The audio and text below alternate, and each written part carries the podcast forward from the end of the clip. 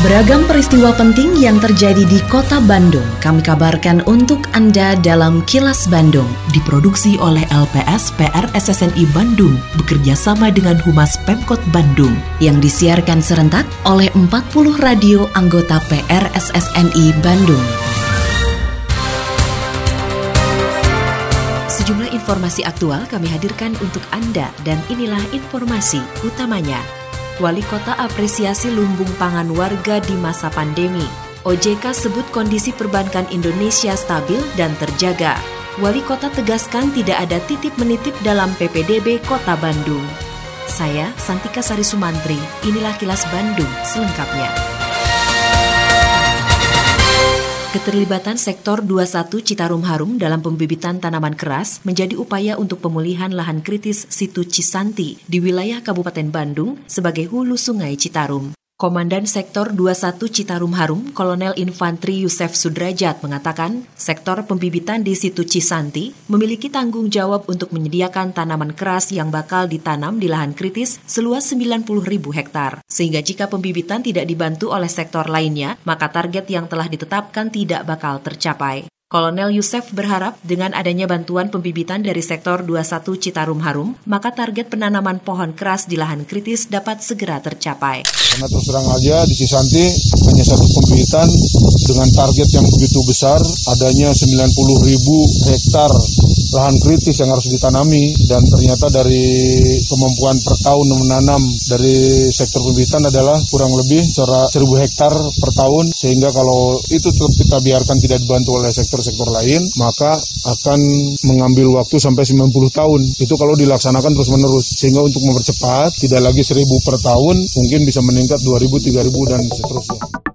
Wali Kota Bandung, Oded Muhammad Daniel, sangat mengapresiasi keberadaan lumbung pangan yang dimiliki oleh warga di RW 02, Kelurahan Neglasari, Kecamatan Cibenying Kaler, Kota Bandung. Oded menilai keberadaan lumbung pangan sangat berguna dan dapat membantu meringankan beban warga yang membutuhkan bantuan maupun yang terkena musibah. Melihat hal tersebut, Oded meminta kepada pengurus RW setempat untuk terus mempertahankan keberadaan lumbung pangan tersebut tidak hanya saat pandemi COVID-19, tapi seterusnya difungsikan. Menarik ya, laporan Pak RW tadi saya dibawa ke sebuah ruangan tadi, luar biasa, hmm. ada lumbung. Nah Pak RW, lumbung ini dampak dari COVID ini, Pak RW jadi buat punya lumbung, ke depan ini harus terus dilaksanakan. Artinya kalau Pak RW dan warga di sini melaksanakan itu, berarti Pak RW dan warga masyarakat sudah menjadi orang-orang yang cerdas, yang pintar. Mengapa? Karena orang yang yang cerdas dan yang pintar lah yang bisa mengambil hikmah daripada kejadian apa namanya pandemi ini.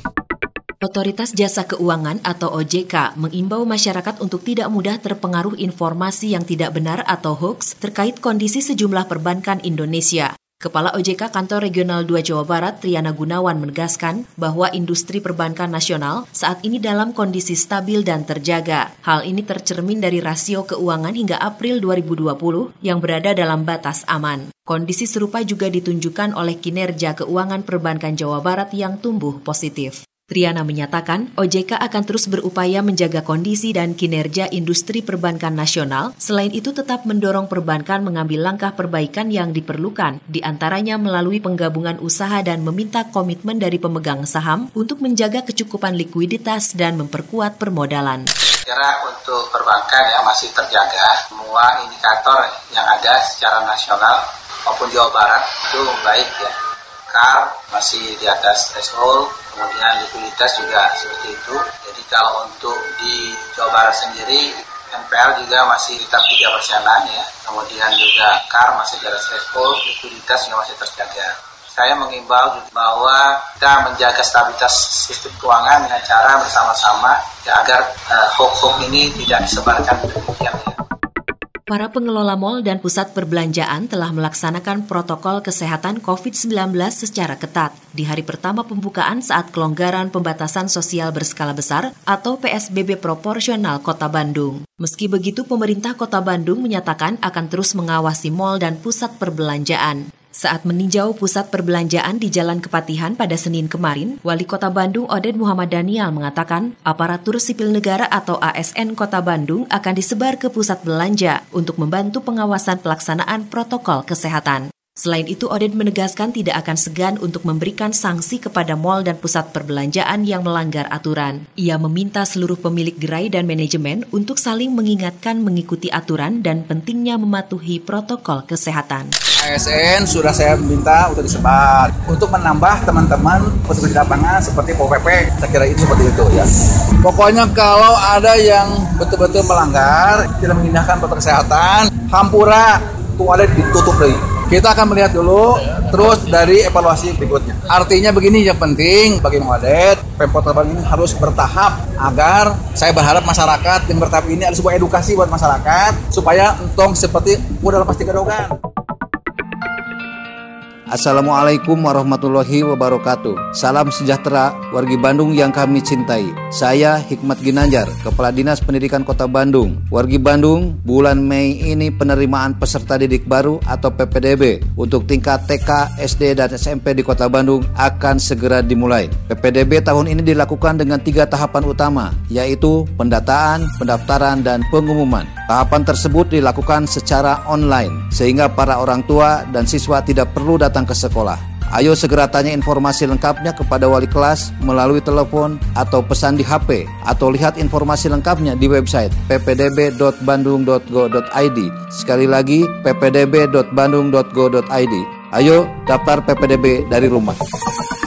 Wali Kota Bandung, Oded Muhammad Daniel, memastikan tidak ada istilah titip-menitip dalam pelaksanaan penerimaan peserta didik baru atau PPDB Kota Bandung. Oded menegaskan tidak ada yang menitipkan siswa dari kalangan mana pun agar dapat masuk di sekolah negeri. Oded meminta orang tua calon siswa untuk tertib mengikuti prosedur dalam pelaksanaan PPDB tahun ajaran 2020-2021 ini. Untuk itu ia mengimbau kepada orang tua calon siswa tidak perlu khawatir jika ingin mendaftarkan anaknya. Menurutnya, meski PPDB Kota Bandung dilakukan secara online, setiap sekolah tetap menyediakan layanan tatap muka bagi orang tua yang masih gagap teknologi. PPDB itu sudah berjalan. Sekarang masih pendaftaran. Nah, saya tadi nanya kepada Pak Kadis, alhamdulillah sampai masih terkendali. Adapun untuk warga masyarakat yang kebetulan yang menerima gaptek segala macam can bisa pakai online, nah itu sudah disiapkan di dinas pendidikan sudah disiapkan ada petugas di sana untuk melayani itu. Di Bandung mah mau ayah, insya Allah. Mudah-mudahan tidak ada, insya Allah. Erawan mau ada lah.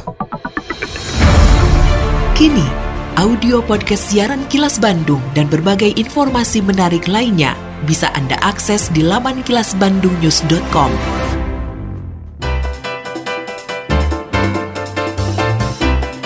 Berikut sejumlah agenda kerja para pejabat Pemkot Bandung Selasa 16 Juni 2020.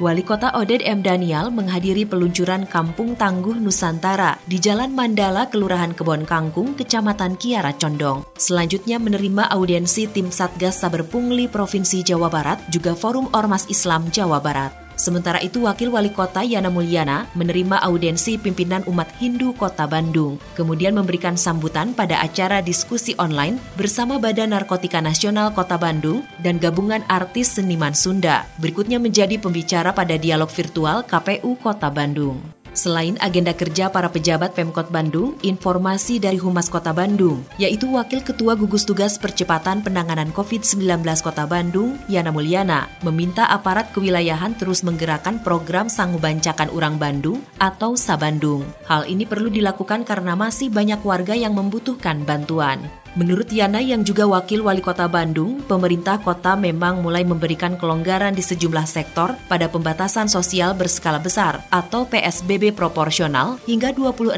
Juni mendatang. Namun relaksasi belum bisa langsung mengembalikan kondisi masyarakat pada situasi normal, sehingga warga terdampak tetap membutuhkan dukungan. Yana mengatakan program Sabandung bukan hanya sebatas penyambung pangan melalui paket nasi, tapi juga menjadi wujud nyata dukungan moral untuk mendongkrak motivasi dalam kehidupan bermasyarakat. Demikian agenda kerja para pejabat Pemkot Bandung dan info aktual yang diterima redaksi LPS PR SSNI Bandung dari Humas Pemkot Bandung.